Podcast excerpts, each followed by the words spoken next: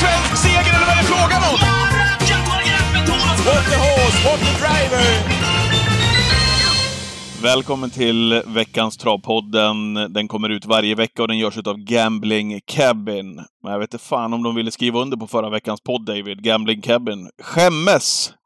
Över ljudet, va? Ja, jag har ju drunknat i mailinkorgen efter förra veckans podd. Varför då? Jo, Patriks ljud var så otroligt dåligt. Mm. Det ska Vad, inte... vad hände? Ja, men jag hade ju fel lurar eh, när vi gjorde podden. Tyckte, att Ja. det, tyckte att det funkade helt okej när vi gjorde själva inspelningen, men sen när vi släppte ut den i etern så, så var ju kvaliteten eh, undermålig, minst sagt. Så att, eh, Ja. det, ska, det ska inte hända igen, tänker jag. Nej, det är ändå professionell verksamhet vi sysslar med. Att du körde några så här sköna iPods eller vad det heter. Det är icke acceptabelt. Nej. Men nu är vi tillbaka Nej. igen. Vi blickar framåt, vi Ja. blickar framåt. Ja, vad härligt. Hur mår du? Eh, Jag mår bra. Eh, har haft eh, inskolning här i veckan, håller på med min son. Så det är lite omfattande, tar mycket tid och sådär. Men det är en del av livet. Hur är det Kul. själv? Eh, ja, men samma sak. Vi, vi har varit iväg på en kryssning med Leksands IF eh, med 1500 galna läxingar förra veckan. Eh, så åkte jag därefter ut på konferens i några dagar. Precis kommit hem och så får jag sätta mig då med, med travpodden så här på sen eftermiddagen. Det är, det är ganska så skön avkoppling faktiskt att prata lite trav med dig. Så att, det känns bra. Men det är en nykter kryssning va? Eh, det, det, framförallt så är ju supportrarna helt fantastiska. Det, de sa det på Viking Line också, att det är svårt att göra den här kryssningen. Inget ont om djurgårdare, AIK eller Hammarbyare, men eh, de törs inte göra det med de kryssningarna. Vi har ju ganska så snälla fans eh, som, som sköter sig. De är, de är allt annat än nyktra, många utav dem, men de beter sig ju, eh, vilket är vilket är fantastiskt och som gör att vi får då komma tillbaka år efter år, efter år om vi vill. Man, man måste säga 1500 dalkarlar va? Man får inte säga dalmasar. Nej, precis. Dalkarlar. Ja, dalkarlar eller masar. Det är viktigt. Eller masar. Mm.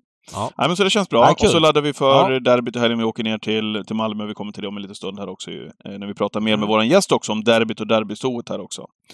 Eh, veckan som gick, Bergsåker körde V75, eller körde dubbeltrav förresten. Eh, Mm. Fredag, lördag. Ja, vi kan ju börja i den ändan. Eh, dubbeltrav fredag, lördag. Sundsvall Open Trotthelgen som har varit en stor helg. Eh, det har ju hetat eh, Norrlands mest besökta idrottsevenemang. Men det tillhör nog historien. Först och främst fattar jag inte, vi var inne på det förra veckan, vi pratade eh, med vår gäst Henrik Svensson om det. Att man kör saxtrav på fredagen. Här måste ju någon sätta ner foten. Det är ju helt... Hur, hur kan man ha en storhelg som promotas liksom eh, en publik storhelg och så kör man saxtrav. Till vilken nytta? Jag kan bara dra ett exempel. 2016 då var ju travomsättningen klart lägre över hela linjen än vad den är idag. Eh, då körde man senast den här tävlingsdagen med V64. Det var ju V75 några år i den här V75-bonanzan. Sen har det varit V86 sax sista åren. Då körde man 2016 V64 e- enkel bana 6,6 miljoner omsättning på V6. 3,5 på DD. 3254 pers 2016. Eh, I år... Ja du. Eh, vad var det? 1500 pers. Eh, 6,1 eller... Nu har jag fel siffror framme. Fan, jag tror jag skrivit ner det här. Mm. Förlåt. Ja, det gör ingenting. Titta upp dem igen. Ja, eh, V64-omsättning eh, 6,3 miljoner. Dagens dubbelomsättningen Eh, den här så har dippat ner till, nu är ju dagens dubbelomsättning ganska dålig för dagen, men den var alltså 2,3. Så totalt sett sämre omsättning på de stora spelformerna än 2016. Till vilken nytta? Jag fattar att man kör där saxen när det är liksom mindre banor på vintern och, och sådär och det inte är någon publik. Men när man har en storhelg, en bana, har sitt event. Snacka om att slakta grejen rakt av. Helt obegripligt. Och ja, det var väl en del av en anledning till att det var också väldigt lite folk på, eh, på lördagen. Jag har hört under 5000 pers, folk som man känner som ja, är rutinerade Bergsåkersbesökare tyckte att det var, ja, de hade sett så lite folk och så vidare. Och det här är ju den röda tråden vi befinner oss i med travet för dagen. Men det är klart att eh, eh spelbolaget vi kör sax på fredag gör inte saken bättre. Eh, jag kollar på den officiella publiksiffran på travsport.se för lördagen och den är alltså 4353 personer. Att jämföra med typ 20 000 för allt från 10 till 15 år sedan. Man har lite att jobba på där kan man säga. Ja. Eh, vad tror du, det här dubbeltravet, vi pratade ju med Stefan Eriksson också, marknadschef Sundbyholm här för några veckor sedan i podden också. Vad tror du att det skulle kunna tillföra då? Att du, att du kör vad, vad kan vi räkna upp? Alltså om du kör V64 på kvällen där, ensam bana, Bergsåker och så V75 dagen efter. Vad, hur mycket lockar det? Ja, det är ju såklart svårt att säga men det lockar väl ändå fler om hela dramatiken utspelar sig på Bergsåker än om du ska saxa med en annan bana. Det är min fasta övertygelse. Och jag menar de aktiva, Örjan till exempel, han körde ju på Romme. Där är det en massa hästar på fredag. Ja, precis. Jag menar, Mm. man vill ju se de bäst aktiva redan på fredag också komma upp inför en dubbelhelg och, och låta dem kunna slappna av. Helheten är ju liksom, jag vet inte, jag fattar ingenting här hur, hur det gick igenom. Vad gjorde man på SD när man såg den här? Okej, ATG vill köra sax de här dagarna. Mm, ja men titta, Sundsvall här eh, i slutet på augusti. Men vi kör den fredagen. Vi, vi, vi bara slaktar den rakt av. Jag menar, det är kriteriekval den 9 september på Solvalla. Då kör man ju bara V64 på Solvalla. Och de har gjort någon annan fredag här med lite större trav. Ehm, Men den här fredagen klarar inte sig. Hade jag varit på Bergsåker jag hade varit galen. Jag vet inte, jag har inte hört något officiellt uttalande därifrån men Nej. eh, flera aktiva tycker det är dåligt så jag hoppas att det blir ändring till 2023. Ja, nej, men det där är någonting verkligen att ta, ta fasta på. Jag kommer från en föreläsning som jag precis berättade här, eller konferens, där ett företag heter Kairos Future som var med och föreläste. Det berättade Random, eh, föreläsaren då, för hela SHL att eh, hon hade pratat inför ATG. Eh, där ATG då eh, hade uttryckt oro för publik, eh, publik publiken ute på landets travbanor där man eh, då tycker att den digitala upplevelsen är bättre än att vara på plats. Eh, och det är väl just de här grejerna som man kan åtgärda då ifrån det hållet, tänker jag också. Det ligger ju väldigt mycket på svensk travsport såklart. Men, och banorna. Men det här är ju en del i det. Att kunna Ja, bygga alltså, ATG har evenemang, gjort- alltså evenemang eh, tillsammans då, fredag, lördag. ATG kan ju inte vara oroliga för barnpubliken. De har gjort noll för barnpubliken sista... Ja, jag vet inte när de gjorde någonting för barnpubliken senast. Men eh, det har inte varit någonting sista tio åren i varje fall då allt har gått till en speloptimering och nu när omsättningen börjar sjunka. Eh, vi hade en halvårsrapport här och det är tuffa ekonomiska tider men ATG sista tio åren det har ju varit liksom nollränta i princip i, i Sverige. Nu har vi liksom ett krig i vårt närområde. Vi har sjuka elpriser eh, och vi har en lågkonjunktur för dörren. Det är klart att det blir mindre pengar i folks plånbok. Det vore konstigt om travet inte fick känna av det här. Lägg på inflationen på det. Det är klart att vi kommer ha ett stålbad, tror jag. Det är min take på det hela inom ett år i, i travet. Sett till hur omsättningen är och, och sådär. Det är bara att fejsa eh, verkligheten. Jag läser lite travtränare som vill ha ökade prispengar. Jag vet inte vilken värld de lever i om jag ska vara ärlig. Var ska man hitta ökade prispengar för när det ser ut som det gör i omvärld och Sveriges ekonomi överlag och travet i synnerhet. Så att där eh, kommer det nog bli många som eh, står med brallorna nere när de vill ha ökade prismedel men, men det kan, hypotetiskt, nu säger jag inte att det är så redan nu, men det kan bli sänkta prismedel som en del av ett sparpaket, vad jag tror, eh, kommer krävas med tanke på hur det ser ut i landet och i travet i synnerhet. När det gäller V75 och sporten i, i helgen. Vad, ja men vi måste börja ändå med, med, med Sundsvall Open Trot givetvis, med Manu Viking då som eh, vann. Och på sättet han fick vinna, wow hur han såg ut David. Det här var ju, han trummade på 11 och 3 där framme i ledningen. Eh, hörde någonstans, eller hört på många ställen, faktiskt förvånar mig. Nu sitter vi här med facit i hand och diskuterar V75, men vi pratade ju om V75 7 eh, ingående. Där vi ju också i twitchen öppnade upp eh, med stor sannolikhet att Monin skulle kunna hålla ledningen ifrån det där läget. Det var fler som var inne på den linjen, men jag har hört många som sa Oj, hur kom det där sig? Han har ju nästan aldrig fått starta med de där lägena, eh, Viking. Nu spetsade han ju från innerspåret hur enkelt som helst får man väl ändå säga innan det var klart. Ja, det var ju en tilltrasslad situation där. Eh, Brother Bill, dels galopperade Brother Bill, sen hamnar ju eh, Best of Dream Trio mellan Moni Viking och eh, Million Dollar Rhyme som bröt ner så han galopperade.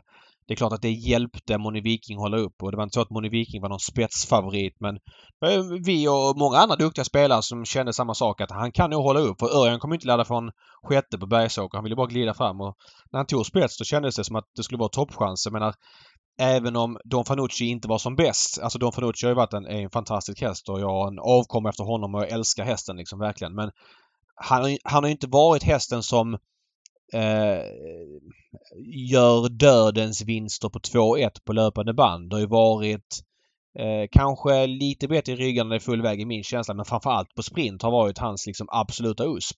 Så att han inte skulle vinna från döden kändes nästan lite favoritscenario tyckte jag. Nu var han kanske lite segare än normalt men och han hade ju såklart otur mellan Moni Viking i ledningen och värsta motbudet i mitt tycke på förhand 9 stole the show i ryggen. Det är klart att Örjan fick problem men han var aldrig nära Don Fanucci sett. Nej, det var han inte. Han var inte nära Money Viking. Stolde Show gjorde det bra som tvåa och den hästen puffade du för Ja, tidigt förra veckan. Ja, jag vet. Han gjorde bra men, men borde han inte kunnat bättre i svängen? För han tappar ju svängen. Vilket förvånar mig. Erik satt ju kvar i rygg Fanucci vilket var rätt för att sen liksom ta sig ut på upploppet. Men jag tyckte han var dålig som tappade i svängen. I min värld ska han sitta klistrad där. Sen på upploppet så fick han ju ny fart och lyckas slå av Don Fanucci på linjen. Jag hade faktiskt lite högre förväntningar på honom. Sett i avslutningen han gjorde i Åbergs så trodde jag att han skulle kunna följa Fanucci och liksom spela ut speeden på upploppet. Men det blev inte riktigt så faktiskt. pratade om Björn Goop här för några veckor sedan som hade haft det tungt. Eh, snacka om att det har varit, eh, att det har lossnat ganska så Ja, ordentligt för honom alltså. va. Hur många miljonlopp har han vunnit? Han vann då Sundsvall Trot nu, han vann eh, jubileumspokalen, han vann, Något E3 va? Långa, E- eh, korta E3 med den här following. just Och så det, vann han ju eh, San Motör, jubileumspokalen. ja jubileumspokalen också, precis. Mm. Eh, ja, snacka om att det har, det har lossnat och det, han såg otroligt fin ut, Manne Viking. Det är ju bara att imponeras av den här hästen som har kommit tillbaka efter, inte bara en, utan fler skador eh, på det här sättet som han ser ut. Ja, läckert. Någonting annat ifrån Sundsvall Open Trot? Nej. 13, jag räknar här. 14, 15, 16. Redén har inte vunnit på 16 starter. Um, senast han vann ett lopp. Alltså, det är inte jättemycket bara sett i, i Eh, Sex, sammanhang. 16 starter, eh, nej, Nej, nej, men vi pratar om Sveriges bästa travtränare de Ja. sista eh, fem åren och den som kommer att köra in mest pengar i år. Ja. Eh, Han har ändå derbyfavoriten på söndag. Eh, Det var inte samma tryck i Fanucci som tidigare. Nu har Fanucci haft en lång säsong och, och sådär. Jag klandrar inte honom för det men det är ju någonting vi från sidan spekulerar i som skulle kunna fälla Francesco eventuellt. Eh, Jag såg att Redén bara anmälde en häst till Jägers derbyhelgen också. Det blir fullt fokus på Francesco. Eh, Det behöver inte betyda någonting och det kan vara en grej. Det är ju ingen katastrof i stallformen men det har ju inte varit samma extrema nivå som det har varit i princip stora delar av året. Han hade ju en dipp där efter Elitloppshelgen med, när han, jag tror att vissa hästar käkar för mycket gräs va, så det blev lite proteinbalansfel. Så att vi får se Vad, brukar han vinna på? Han ligger på, han vinner vart tredje lopp eller något liknande. Ja, men ungefär. Mm. Vi får se vad han säger nu i intervjuer inför derbyt om det här oroar honom eller inte. Ehm, jag tror ju fortsatt att Francesco bara vinner men det är ju en såklart aspekt att ta hänsyn till. Eh, I övrigt, Gooner-avslutningen. Den var läcker. 10 och 6 vann han på Wäjerstens häst. Ja. Uh, Wäjersten gör inte många fel som aktiv inom travet för dagen. Det är ju känslan. Det känns som att vi ser det varje vecka och det är något nytt som kommer upp. Gunnar var häftig. Ivanka Mok, eh, hur såg hon ut sista hundra egentligen? Hängde töm kraftigt. Ja, Eh, och, och hade, hon hon, blivit, eh, hade hon blivit utmanad där så hade hon inte vunnit det loppet. Men nu var det ju hon överlägsen ändå. Mm. Hon var ju det. Inte lika fin som gången innan dock. Eh, Månlycke AM, Gunnar Melander. Eh, skötte kort, eh, korten rätt får man säga. Ja, Eh, verkligen. eh, med Månlykke Eh, AM.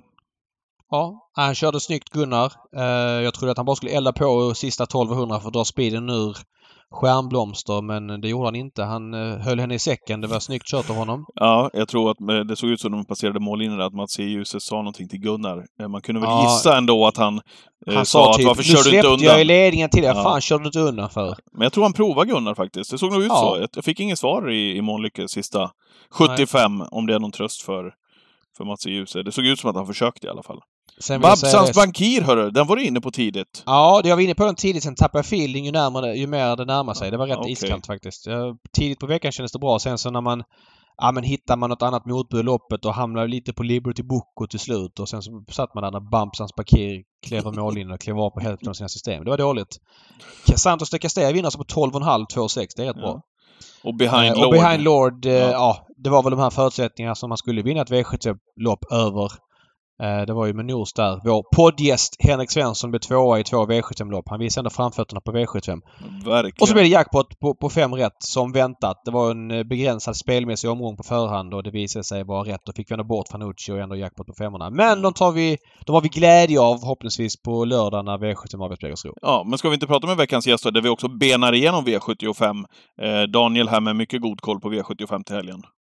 Ja men vi gör det. Daniel Odenklint som är gammal i gamet höll jag på säga, trots att han är född 74. Häst som hästägare och spelare. Jobbar idag lite åt TR Media och är väldigt uppdaterad i travet. Har två hästar till start i helgen i Donizetti Svenskt Travderby och Isabel Cash i Derbystort. Då säger vi välkommen till Travpodden till veckans gäst, Daniel Olenklint. Stort tack för det. Nu har jag skrivit spelare och hästägare här i, i rubrikform. Eh, det känns väl rätt, men det kanske ska fyllas på där, eller vad säger du? Nej, men det är väl två, eh, två vettiga grundstenar. Det började väl mycket med spelet från min sida och det var ju travet till 100% när jag var 15-16 år och sen har det väl även blivit fotboll och tack vare hyggliga framgångar har jag väl kunnat ha råd att köpa några hästar och därigenom hästägare. Så att spelare och hästägare, det, det köper jag. Okej, okay, bra, bra start där. Du menar att det har gått så pass bra som spelare så att du har kunnat blivit hästägare? För det är ju det kanske inte är en jättevanlig variant. Nej, men så är det faktiskt. Jag har inga pengar med mig hemifrån eller i bakgrund sådär utan jag har ju fått knäga ihop mina pengar själv och eh, framförallt så, så blev det ju spelet på fotboll som ju blev väldigt stort för mig för, ja nu tiden går, herregud, det är ju 15-16 år sedan jag började spela även på fotboll och eh, kom rätt på det i den vevan och lyckades, lyckades ha marginalerna, heroin på rätt sida och tack vare det så, så skapades det en liten buffert för att även kunna äga några hästar. Du är ju superaktuell med att ha en häst i Svenskt Travderby, Donizetti och Isabelle Cash i derbystort. Hur högt värderar du den kombon eller de finalplatserna i ditt hästägande totalt? För du har haft många bra hästar genom åren ska sägas. Det är jättestort för mig naturligtvis och det var ju så här att det hade ju ett väldigt framgångsrikt fjolår får man ju säga med just de här två hästarna även Indy Rock. Eh, men sen har det varit iskallt här under året. De har ju knappt startat slash gått någonting. Så jag åkte ju in till Jägersro som ju är min gamla hemmabana. Jag har ju bott i, i Skåne och eh, sen har jag varit i London och Stockholm en period men tillbaka i Skåne nu med familjen så det är ju min nuvarande och gamla hemmabana och jag åkte in där med eh, relativt lågt ställda förväntningar. Så det är klart med, med tanke på hur svagt det hade gått fram till derbykvalen så var det ju oerhört glädjande att eh, först hästarna var så bra. Och som du säger där David så eh, det är inte lätt att kvala in till de här loppen. Jag har aldrig haft en häst i derbyt och aldrig en i derbystot och nu blev det så att jag fick en i vardera lopp. Så det är klart att det är jättestort för mig. Men du nämner Indy Rock där. De, han kvalade vi inte kriteriet i fjol va? Han var fyra i kriteriet. Ja, han var fyra till och med. Ja, ja tvåa i Breeders Crown. Sprang in 1,7 miljoner i fjol men har ju varit klart eh, mer begränsad i år. Tyvärr har han ju inte utvecklats och han gjorde ju så ett anständigt lopp som fyra i sitt eh, försök till derbyt men eh, tyvärr inte varit tillräckligt bra i år för att duga mot de bästa. Eh, du vi kan komma in på Isabel Cash och Donizet här alldeles strax. Jag är bara nyfiken först också innan vi fortsätter att prata om ditt hästägande där. Eh, dina framgångsfaktorer där till de som lyssnar på den här podden. Vad är det som gjorde att det gick bra på, på spelet och på fotbollen? Fanns det liksom någonting som, ja, men som gjorde att du blev framgångsrik just på fotbollsspelet? Uh, ja, nu fotbollsspelet kan man ju prata mycket om. Men jag tror att jag började, jag var ju extremt travintresserad. Det blev när jag var 14 år. Och det är klart, vi vet att travet är väldigt komplext. Det är 100 häst, startande hästar, en V7-omgång. Alla detaljer såsom eh, framskor eller bakskor, vilken sulke de har, vilken kusk de har, vilket spår de har. Det är väldigt många parametrar att hålla i huvudet om man ska sortera ut en V75-omgång till exempel. Och det låg jag ju vaken på nätterna och funderade kring. Och det är klart, jag tränade min hjärna att bli analytisk. Eller jag har väl någon viss medfödd analytisk förmåga och blev väl ännu mer tränad av att följa hästarna så pass noga. Och när jag kunde omsätta den tiden Eh, på fotboll eh, så tyckte jag att det fanns en enklare, enklare möjlighet, enkelt att ta i, men det var, det var lättare för mig den vevan att, att hitta ett övervärde mot övriga spelare. Eh, så jag tror att det är någon sorts medfödd talang för att göra analyser som jag sen har tränat väldigt hårt med. Jag var extremt, följde travet extremt noga här under under 00-talet. Följer det fortfarande noga men på den nivån jag låg då, då var det ju verkligen dag och natt. Mm. Um, en fördel där med fotbollen, bara flika in, det är ju återbetalningen som är så otroligt mycket högre än på travet. På travet kan du ju Ja, du kan göra bra grejer i flera år i rad egentligen och ändå gå back liksom. Uh, Jättebra poäng. Precis det det handlar om David. Straffas ju inte alls på samma sätt uh, inom fotbollen. Det, även om variansen är stor där också såklart men uh, ja. Det känns ju som Precis en tung faktor. Säger, här, här slåss vi mot 2% 2-3% teoretiskt skatteavdrag och kan då välja att ta position i en eller två matcher i en Premier League-omgång. Eh, så att det är precis som du säger att eh, återbetalningen i travet är ju väldigt tuff. Eh, vi ska komma mer till den biten strax. Jag vill fråga lite grann om de här hästarna du har till start i helgen. Isabel Cash, mm. vi har pratat mycket här i, i podden om Nurmos år i år. Det känns som att han har tagit en ja, ny position lite grann. Eh, lite spekulerat i att Calgary Games gick så bra förra året. Eh, ja, de enorma pengarna det var i aven med 300 betäckta ston jag spekulerar att han kanske var, jag ska inte säga mätt är fel ord, men, men eh, alltså logiskt kanske tappar lite motivation. Hästarna kom igång sent. Isabel Cash var ju en absolut kulttopp i fjol. Var stod i 5,50 också, hoppade bakom mm. bilen och man tyckte att wow vad hon kommer bra. Sen så debuterade hon på Rättvik. Eh, kunde ingenting och då kändes det som att halva säsongen typ hade gått. Nu gör det inte mm. det för unghästarna för att den är ju baktung. Men vad säger du om henne och hans år liksom, eller, eller hennes del i hans träningskoncept under året? Mm. Ja, vi kan börja med Isabella. Hon gick ju faktiskt eh, gick in till Oaks som obesegrad. Hon vann ju, det var väl fyra raka då när hon vann i eh, sitt försök. Och faktum är att vår vän Kudden där, hans eh, X-Labs visar att hon var den snabbast avslutande hästen den, hela den tävlingskvällen när det var Oaks och kriteriekval. Så det är klart att man hade förhoppningar på henne i finalen. Men där blev hon lite för vass. Man laborerar lite med eh, huvudlaget och även lite grann med rycktussar och det klarar hon inte av och klippte i galopp eh, direkt från start. Eh, sen kom ju en vinter som du säger och både jag och skötaren där tyckte att hästen verkligen hade växt på sig och blivit ett nummer större. Det är väl i och för sig ganska många treåringar som blir numret större som fyraåringar men här var det rätt så tydligt och vi gick in i säsongen med väldigt goda förhoppningar. Men eh, jag fick ett sms av Timo där i, ska vi se, det måste ha varit i början på juni att hon hade lite problem med ett bakben. Och eh, ja, det var rätt så negativt då. Det var till och med så att jag misstänkte att säsongen kanske kunde vara körd. Så därför var jag lite förvånad att hon anmäldes ut till eh, Rättvik var det va, Breeders? Mm, just det. Redan ett par veckor senare. Och det är klart med facit i hand så, så var hon ju inte förberedd för att kunna prestera på topp i den starten. Men Storchampionatet har man ju bara en chans i och det låg ju ett par veckor senare så att tanken var ju såklart att ge henne ett lopp i kroppen och försöka liksom med en liksom quick fix få henne i form till Storchampionatet. Och i själva Storchampionatet gör hon ju ett eh, bra lopp får man säga. Mm, ja, tio första varvet, ja. ja. Och hon sitter med lite sparat men eh, det var nu så att hon saknade definitivt eh, jobb inför årsdebuten, var helt okej okay i Storchampionatet och det var nog det som hade hänt här nu till starten på Jägersro att hon hade gått framåt rejält. För att nu peppar peppar hade hon varit eh, frisk och bra i det där bakbenet och, och kunnat tränas på. Som ju krävs på den här nivån. Det är ju så enormt tuff konkurrens så kan det då inte ligga på maximal träning så, så märks det ju direkt. Så att jag tror att den prestationen här i försöket den, eh, den var eh, väldigt bra och den var ju då baserad på att nu har man ju kunnat jobba på henne här rejält senaste månaden. Men det här är intressant för du har ju fler hästar hos Nurmos. Du har haft Sena Brick tidigare och du har Going Cash och med flera andra. Eh, finns det något, du har ju tätare kontakt med honom än vad vi har. Finns det någonting i det här att det har varit en senare start i år eller hur ser du på hans säsong? Ja, jag ska väl lägga till en parameter där. Jag ska inte gå in på detaljer men jag vet att Timo har haft lite sjukdom i familjen här under, under våren. Ja. Och det gjorde att hela hans verksamhet blev lite senare. Han ja, gillar okay. ju att smyga med sina årgångshästar och kanske ta ut dem i, i maj-juni. Men nu känns det som att det blev nästan juni-juli på, mm. på stora delar av hästarna. Så jag tror det är lite en sån faktor som spelade in just i år. Eh, så jag tror nog att vi kan förvänta oss att Timo vill liksom ligga på ganska sena årsdebuter men inte så sent som det blev i år eh, framöver. Jag fattar. Hur ser du på den här eh, Frankrike-satsningen han gör? Han har ju väldigt mycket hästar nere vid Normandie och kör hästarna där. Jag vet att du har varit där och kört jobb själv. Eh, hur... hur eh... Ja, men det är en spännande träningsform i och med att du får in en, du får in en sandträning dessutom på naturlig sand. Ehm, du tränar ju på väldigt stora områden och jag tror att hästarna får en nytändning av att komma till en ny miljö. Och dessutom ska man ju tänka på att vädret i Stockholmsregionen här i januari, februari, mars, ja det är kallt och det är broddar som krävs på hästarna i träningen. Så det är klart att slippa broddarna och istället kunna vara på, på ett spa nere i Frankrike. Det är klart att jag tror att det kan vara positivt för, för många hästar.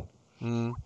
Eh, om vi ska prata hennes, eh, nu får hon ju som sagt ett lopp till i kroppen här eh, mm. inför eh, derbyslut. Nurmos hästar kan ju ibland vara extremt bra i en start och gå tillbaka lite för att de är mm. sådär... Känner du dig confident att hon är på kurvan så att säga? Att hon ska bli lite bättre med det här loppet eller? Nej, men jag håller med dig där att Nurmos hästar verkligen kan leverera direkt och att man kanske inte ser någon jätteeffekt i, i start två eller till och med att de ibland backar lite grann. Men eh, ja, ändå hyggligt confident i och med att jag vet bakgrunden här att hon stod över träning här i slutet på maj och början på juni och eh, som jag har hört i alla fall per idag onsdag så har det inte varit några konstigheter sen eh, försöket och med ytterligare några dagar, ytterligare några träningspass och ett lopp i kroppen så, så tycker jag det finns anledning att hoppas och tro att hon går framåt någon meter. Det Eh. finns ju en eh, parameter till att ta, ta med i det här också. Du nämnde Sena Brichter. Mamma ju till Isabelle Cash. Det blir ju liksom en till faktor i det hela också. Vad, vad känner du kring det? Att du har varit med och fött upp och ägt mamman? Ja, jag ju, det är inte upp speciellt. Mamman är ju uppfödd av, av, av alltså brickuppfödd. Eh, Ja, men precis. Men jag tänkte, jag tänkte Isabelle här va? Ja men precis, precis. Eh, Mm. vi börjar backa bandet där då till, till Xena Brix. Det var en liten kul story där för eh, jag såg ju henne vinna ett lopp på Solvalla. Jag vill minnas hon hade spår 11 bilstarter. Vann med ett avslutande 11 varv och det har ju gått några år sedan och att springa 11 på den tiden för ett treårigt sto med, eh, med skor och vanlig vagn det var, det var väldigt imponerande och framförallt på det sättet hon gjorde. De bara rundade med slutsvängen. Och, ja, jag var väldigt, väldigt imponerad av henne och hamnade av en slump på en lunch under Sprintermästarhelgen med, jag tror det var fredagen där med Timo och eh, ställde väl frågan eh, lite spontant kanske om det fanns någon möjlighet att köpa Xena Brick och han skulle då fundera på detta. Han är ju kanske inte den mannen som gör snabba förhastade beslut Timo så han funderade några dagar och återkom och sa att du kan, du kan få köpa halva. Så på den vägen var det att jag kom in i Xena Brick. Jag fick köpa halva då efter att jag hade gjort ett par starter och Eh, Hon var ju faktiskt andrahandsfavorit i eh, Oaks eh, det år som Fascination vann. Eh, Blev ju tyvärr en omstart. Hon blev för pigg och galopperade i den giltiga starten. Så det är klart att det är extra stort att ha varit med om mammans, en stor del av mammans karriär var jag med och ägde. Mm. Och sen då få gå hela den vägen med, med dyra hingstavgifter. Det är inte gratis att betäcka med ready cash Nej. och ha hästar i Frankrike och man vet inte vad som kommer ut. Visst förutsättningarna är väl goda med den kombinationen men vi vet också att det är inte alla bra stammade hästar som blir någonting. Så det är klart att det är extra kul när det kommer tillbaka lite. Både att man får njuta av eh, hästarna sportsligt och, och vissa kronor behöver man ju också för att kunna finansiera fortsatt hästägande. Ja men såklart. Eh, hur läser du loppet här på söndag? Eh, Timo har ju sex hästar med vilket bara det är en Ja. sjuk bedrift i sig.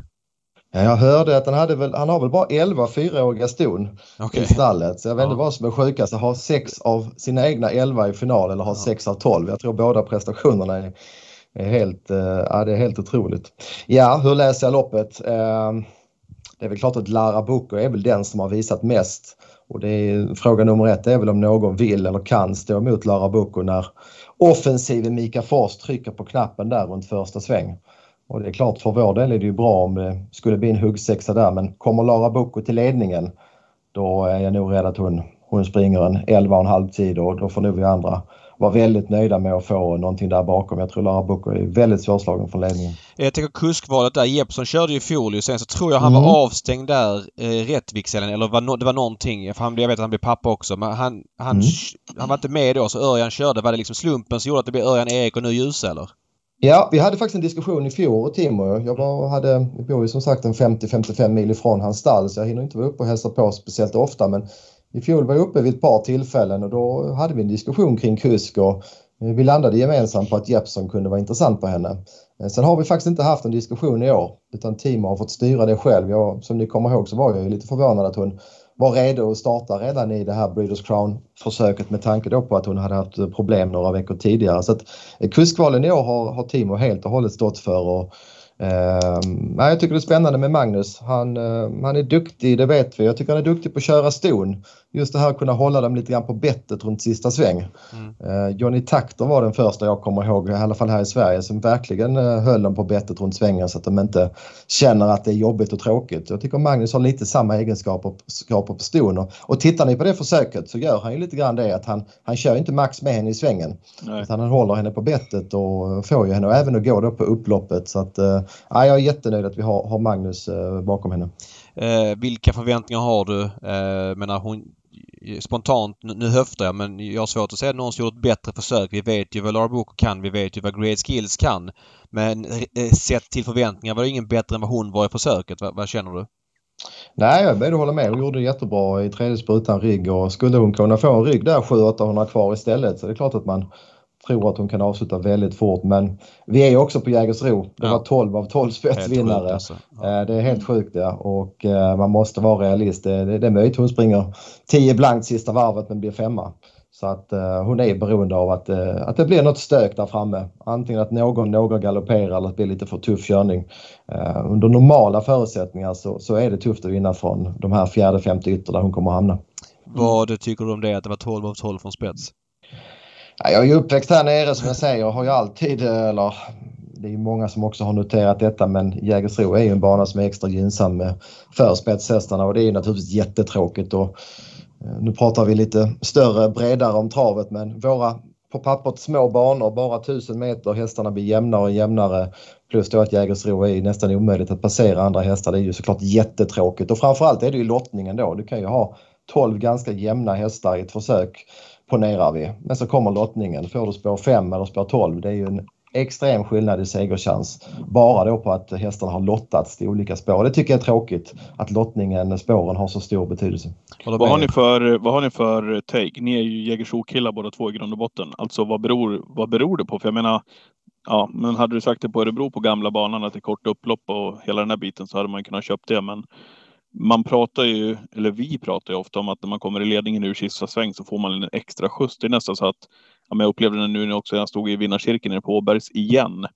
Så får man nästan två längder i utgången av sista sväng. Det, det är nästan svårt att förklara. Eller har ni någon, någon bättre teori? Ja, men jag tror du är inne på rätt spår just precis i ingången till upploppet som du säger. Så, så kan man ibland säga att ledarna börjar få lite stumma ben. Men på något märkligt sätt om det har med doseringen att göra där 250 kvar så när de kommer in på upploppet så lyckas ledarna få en längd eller två som du säger. Mm. Uh, jag tror att det är någonting där som ligger, uh, ligger med och sen har vi en stallbacke efter mål kan väl också vara en liten faktor för, för vissa hästar. Uh, jag, jag, jag, säger inte att det här är anledningen men om du ställer dig på upploppet, alltså vid stallbacksvängen och tittar, alltså nästan lägger dig ner på marken och kollar på doseringen på banan så är det ju en liten lutning en bit, jag säger inte att här är men lite lutning en bit ut på banan. Du ser det, det är ganska tydligt att det blir liksom som att på innerspåret har du inte samma lutning men, men från sidan så är det som att för att vattnet ska regna ner. Mm. Eh, jag har inte gått igenom alla banor i Sverige men jag tycker inte jag ser samma lutning på andra banor. Eh, det är känslan i varje fall. Men det, det finns nog, det är många bianledningar till det. Eh, och jag kommer ihåg Jocke Löfgren var gäst här. Han sa ju att Jägersro hade ett kort upplopp och, och Solvalla ett långt upplopp. Och det var innan Solvalla flyttade sin pinne. Det var skilde väl 6 meter i upploppslängd då. Och han beskrev det ändå som att det var större skillnad än så tyckte han. Så att det finns mm. nog många, många upplevelser runt det.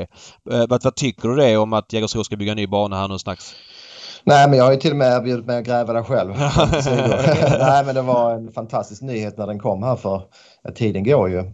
Eh, den skulle väl stått klar här nu. Vad var det? Först var det väl riktlinjer på runt 2024 va? Mm. Vilket nu är kraftigt framflyttat så det är ju Ja, det är väldigt, väldigt tråkigt för både för regionen här nere och för svensk travsport i stort att vi inte får den där lite större banan som, som gör att det avgörs inte första 250 utan sista 250 istället. Jag tror det är en väldigt delad bild av alla traventusiaster att vi måste få större banor och lite längre upplopp så att uh, de tuffare hästarna gynnas. Håller helt med. Mm. Eh, om vi går till derbyt då.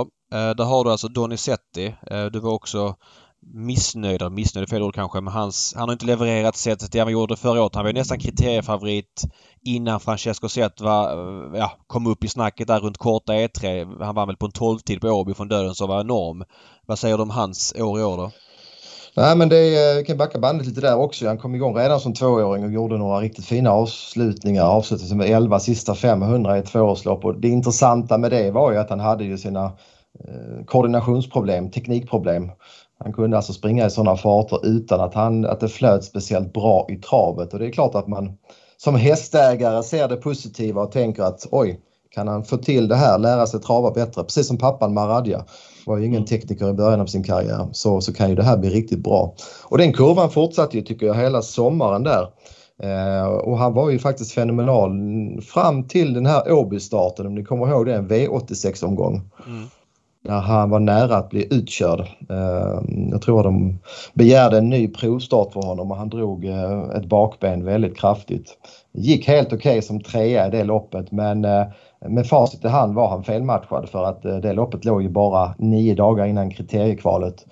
Eh, och och kriteriekvalet fick han också ett bakspår, körde upp utvändigt ledaren, vann men bröt ut till slut. Och det var nog i den vevan, de två starterna, problemen började.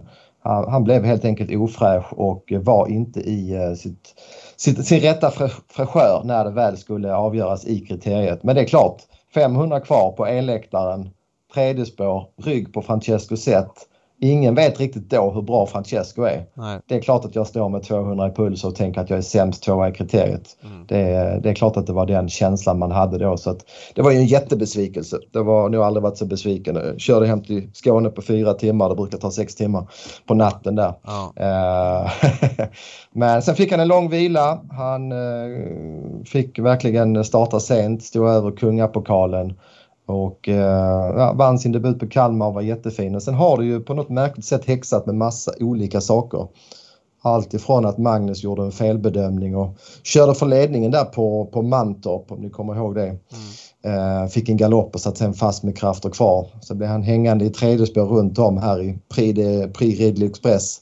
Ja, vad enorm var den dagen? Han var bra, verkligen. Han gick en 12-tid i tredje spår sista 1500. Eh, och sen har ni Åby-starten då som genrep innan innan derbyt när, man, när han kom in på upploppet med, med fin spänst och såg ut att vara sämst tvåa. Men eh, slog på en galopp där 150 kvar. Första gången med knäkappor i uh, försöket. Jag vet inte om ni tänkte på det men det kan ha varit så att han har sprungit och touchat i ett knä. Då kan mm. man ju för sig undra varför inte det har åtgärdats tidigare men uh, nåja, nu är det som det är. Han, uh, jag tyckte han såg bättre ut i, i försöket än vad jag har sett honom någonsin faktiskt. Magnus, nu har du ju... Om man har försöket.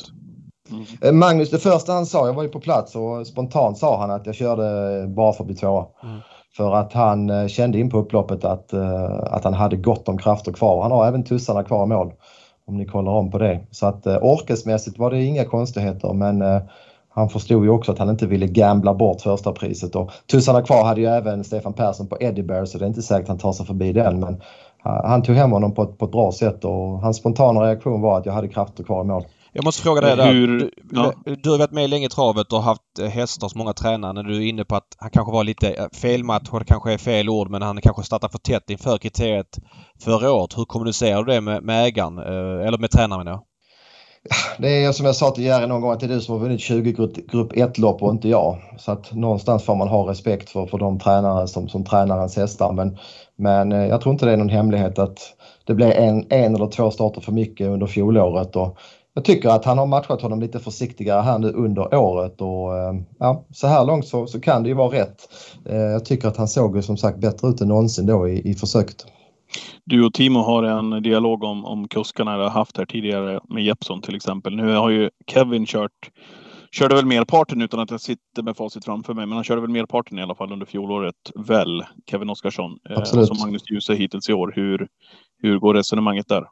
Nej, men vi, vi hade en diskussion kring detta och det är klart att ska man då vara med på toppen eh, där vi ska möta Örjan Kihlström och Francesco Zet och så vidare. Nu säger inte jag att Donizetti är på hans nivå men vi måste i alla fall försöka göra absolut allt vi kan för att vara med och så nära som möjligt i alla fall. Och det är klart att Kevin har gjort det jättebra med Donizetti. Jag tycker han är en jätteduktig kusk men så som utvecklingen har blivit senaste året där Kevin har satsat ganska mycket på sin egen träningsverksamhet, kuskar inte runt lika mycket i V7. Liksom den här tajmingen man har av att köra 5, 6, kanske 7 V7-lopp varje lördag den har ju Magnus skaffat sig. Och jag tycker att Magnus är, eh, jag är nog inte ensam om att tycka att det är den största talang jag har sett sen Sen kanske Björn Goop och Erik Adilsson. Eh, mm. Och det tåget eh, tycker jag att det var värt att prova att vara med på. Det, det, det var dessutom en faktor, man får även tänka på vilka andra fyraåringar de här duktiga kuskarna kör. Och Magnus har inte haft jättemånga, det är väl Parveny, Run and Cola kanske han har kört åt sin bror men det är väl inga hästar som... Det är bra hästar men de har ändå inte varit uppe på, på de här grupp 1 nivåerna när det gäller årgångsloppen så att eh, där tyckte vi väl gemensamt att det var värt att prova. Eh, kanske då framförallt för att få honom lite vassare från start. Magnus eh, har många egenskaper som är bra men jag tycker hans, en av hans allra bästa är att han just är väldigt bra på att få iväg hästarna från start. Och långsamme Donizetti kan till och med öppna ganska hyggligt nu tycker jag. Och det är ju en viktig faktor att inte tappa för mycket i början. Jag ska säga det, jag träffade faktiskt Kevin Oskarsson på äh, auktionen här dagen innan jubileumspokalen och mm. chitchattade med honom och, och, han. Så frågade jag om, om han... Ja, om det var uttalat att han inte körde Donizetti eller liknande sa han. Jag vet inte sa han men han betonade verkligen att han ville hylla ägarna för att han har fått chansen och han var verkligen så här att han förstod att man testade något annat och han är väldigt glad att hästen fungerade igen och ville att det skulle fungera. Det fanns liksom inget uns i honom som var liksom eh, Bitter skulle han inte vara kanske men du fattar. Det är lätt att säga att mm. ah, men det, så är det i branschen och så här. Och han var verkligen liksom poängterad att eh, det var liksom nästan rimligt med tanke på att han kanske inte körde alltid. Och som du säger att han har en egen rörelse och sådär att det tar mycket tid liksom. Så att eh, ja, det hedrar honom tycker jag. Det är lätt ja, det är kul att höra och det är sur i ett sånt läge liksom. Precis som du säger, helt rätt inställning för Kevin. Han kommer få chansen på, på bra hästar framöver och det gör ju också att jag som ägare till några andra hästar i framtiden har ju också mycket enklare att välja Kevin i ett sånt läge. Så det det, är klokt resonerat av honom och eh, ja, det är bra. Eh, hur läser du derbyt då? Eh, Francesco det blir jättelampa. Det är ju lite Gil mm. och Maharadja-feeling även om de var jämspelade då. Det blir ju inte Francesco och Lulius men man har lite samma vibbar inför. Vad säger du? Ja men precis. Nej men det är ju jäkligt kul om man ser det rent objektivt. Det är ju rätt kul att Lulius Bocco har har, eh, har dykt upp här nu i, i listorna och är så pass bra som man är för att för en, en månad sedan eller två var väl, var väl alla överens om att de kunde dela ut den där gula kavajen till Redén och det är möjligt de kan göra nu ändå men jag ska inte namnge kusken men en av kuskarna som var med i loppet mot eh, eh mot Luleås Boko senast tog ju Björn eh, spontant när han joggade ner hästen och då sa Björn att det var minst en sekund sparat. Mm. Så det är klart, skulle Luleås komma till ledningen, han har spåret invändigt om eh, Francesco. Pratar vi en sekund, ja då är vi nere på runt 11,5. Och det är klart, Francesco Zet är ett fenomen men springa 11,5 utvändigt om ledaren det, är, det kräver eh, en del faktiskt. Så att, eh, ja, Luleås i ledningen och Francesco utvändigt det, det vore väl drömmen för den objektive att vi får se den duellen. Ja, till saken här också tycker jag det är ju att Luleås enbart har matchats för det här loppet och kommer vara snuskigt bra på söndag. Francesco ändå, tycker jag, också berömt Redén för att han startar ganska mycket med hästen. Det har varit Kungapokalen, det har varit Sprintermästaren. Redén har aldrig vunnit derbyt. Han kommer få många chanser framöver. Jag är helt övertygad om att det är huvudmålet. Jag tror att han har matchat oavsett med derbyt i sikte. Men det är klart att vara bra han behövde kanske inte vara så bra när det var Kungapokalen. Men två hit samma dag, 9 och 4. Det är klart att det kostar i mm. Sprintermästaren. Och ja, det skulle kunna vara en faktor då att Luleås bara har liksom laddats, laddats för det här loppet. Att just på söndag att kurvorna kanske möts lite grann och sen även att Francesco kanske drar ifrån framöver. Mm. Ja, men det är rätt iakttagelse. Jag kan berätta en liten grej där om Luleås. Jag, när jag var ute och kikade på Isabelle som treåring där. Hon kom väl igång någonstans där maj, eh, juni va. Jag var ute där kanske i april månad och då tittade jag på Isabelle och då eh, utan att jag frågade så sa teamet till mig att här är en häst du ska titta på. Och det var ju såklart Luleås Boko. Jag tänkte inte så mycket på det då men det, det är ju Timos signal att här har jag någonting extra. Och han fick ju en eh, han fick ju halsbekymmer på sommaren som treåring i Luleå så det gjorde att han ställde in eh, eh, kriterieplanerna. Så att det har egentligen inte varit några stora bekymmer med Luleås minus den här halsinfektionen förra året. Och det är det som gör att han är där han är nu med, vad har han, 200 000 kronor, 400 000 på sig har han ja, nu. Han ja. på sig 200 000 till ja. Men äh, det är som du säger, han, han kommer nog vara 110% maxad i, i den eh, lördag, eh, starten på söndag. Mm, och så är Redéns stallform, jag vet inte hur mycket man ska ta med det i beräkningen. Det har varit lite sämre här någon vecka. Uh, ja, det är ju spekulation såklart från sidan. Ehm, det var väl någon som gick lite sämre här i helgen och så vidare men ja. ja det blir häftigt. En annan sak jag vill prata med dig om det är ju du har varit med länge i travet. Du skri- hur är det nu? Du är på travronden på Termedia och skriver V86 eh, inför, eller hur är det? Ja, alltså jag ju, var ju på Unibet i 15 år men, men testade lite nya vingar här för några år sedan på TR Media. TR Media har ju både lite fotboll eh, via överodds och så har man ju såklart travronden så det passar ju bra för mig naturligtvis att komma in i ett företag som hade båda mina särintressen eller favoritintressen fotboll och trav. Eh, jag hjälper till med eh, ett V7-lopp i veckan, avdelning 5. Eh, Jaha, jag... kort och gott. Skönt. ja, då är det inga ja. konstigheter. Du får det Top 7-loppet också. Slip... Ja, måste, ja. måste du tippa Top 7 också då eller du slipper det? Nej, nej jag slipper det. Du slipper jag, det.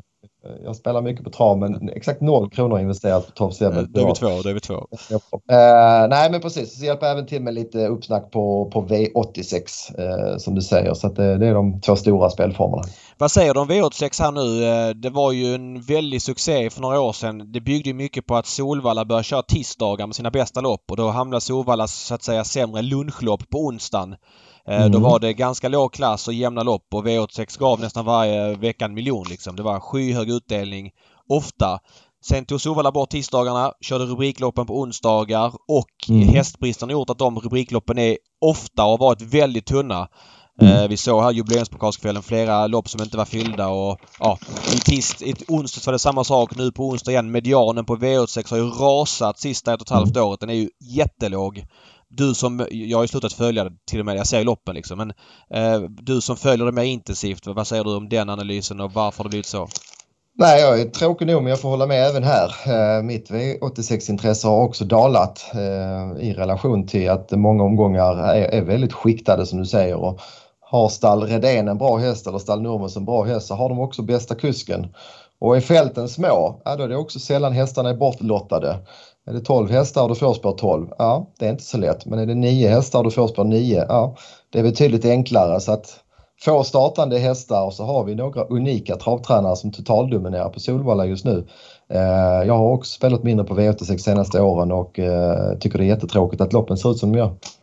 Eh, vad säger du om det här faktumet? Eh, nu hamnar jag alltid i att jag får vräka ur mig att jag inte gillar saxen men eh, det här med att Jägersro eller Åby kör liksom två av tre onsdagar.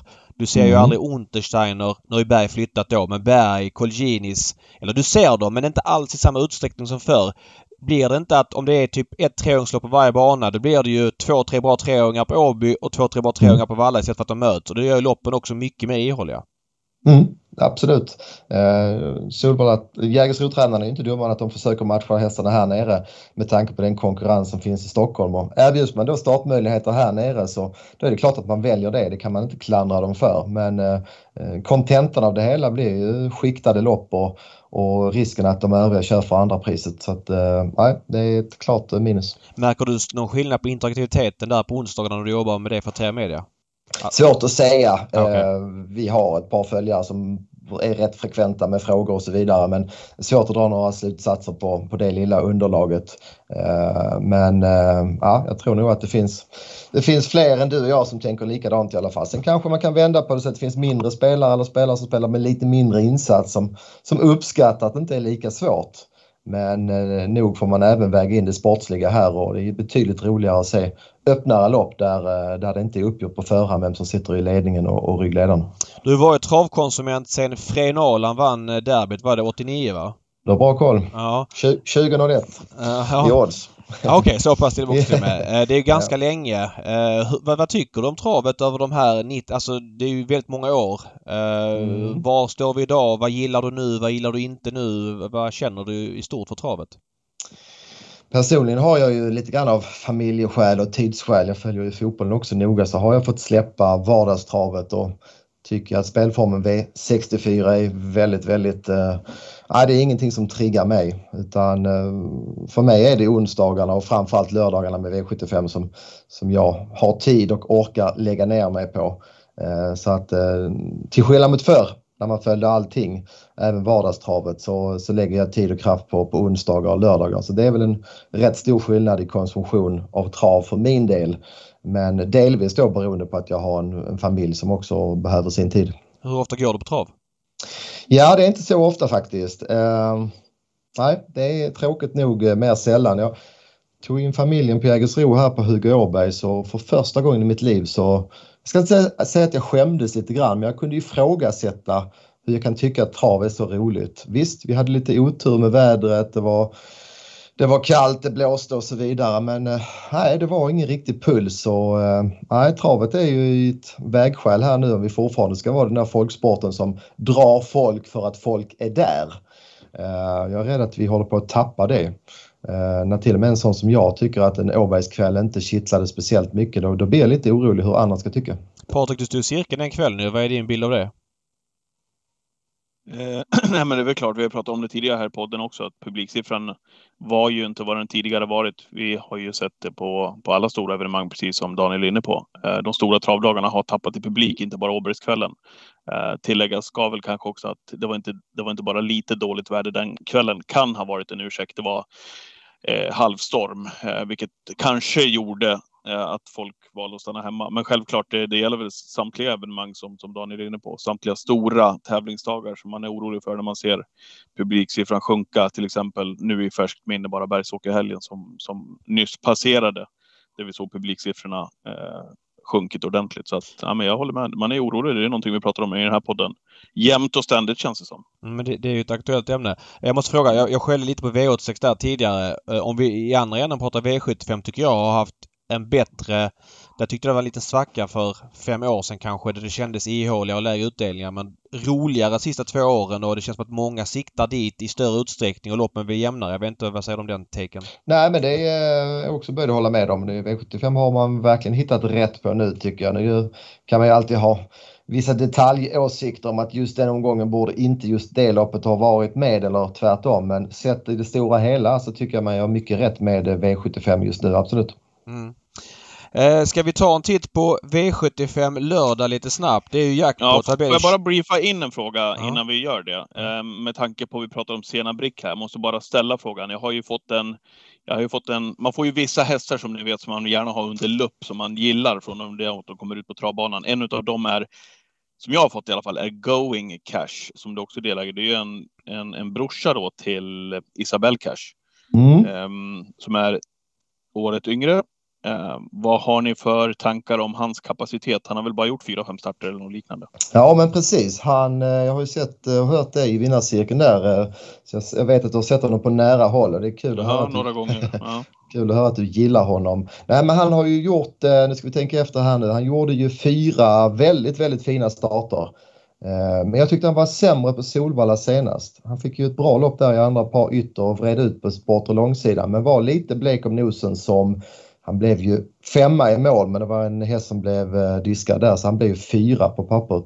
Ehm, så att fram till Solvalla-starten så hade jag väldigt goda förhoppningar om att det här också var en, eh, ett riktigt A-barn men ehm, ja, jag måste erkänna att han var lite sämre än vad jag hade hoppats i den senaste starten. Men tanken har ju varit kriteriet hela tiden. Vi vet att Timo har tung balans på sina hästar men har luskat lite grann med skötaren och rent kapacitetsmässigt så, så tycker ju hon att Going Cash är en minst lika bra häst som Isabelle vid samma tidpunkt. Eh, till och med så att jag fick lite vibbar på att det här var kanske till och med ännu bättre. Men eh, jag är lite besviken var jag på den senaste starten. Kommer ni ihåg, eh, kommer ni ihåg det loppet? Ja, absolut. Precis. Eh, Det var... Eh, Ljuse vann, vann inte? Jo, Var Jo, Ljuse, vann ju från ledningen. Men fin Raminci ja, avkomman, ja, exakt. Ja, precis. Mm. Ehm, precis. Eh, men han går ut i kriteriet va? Eller?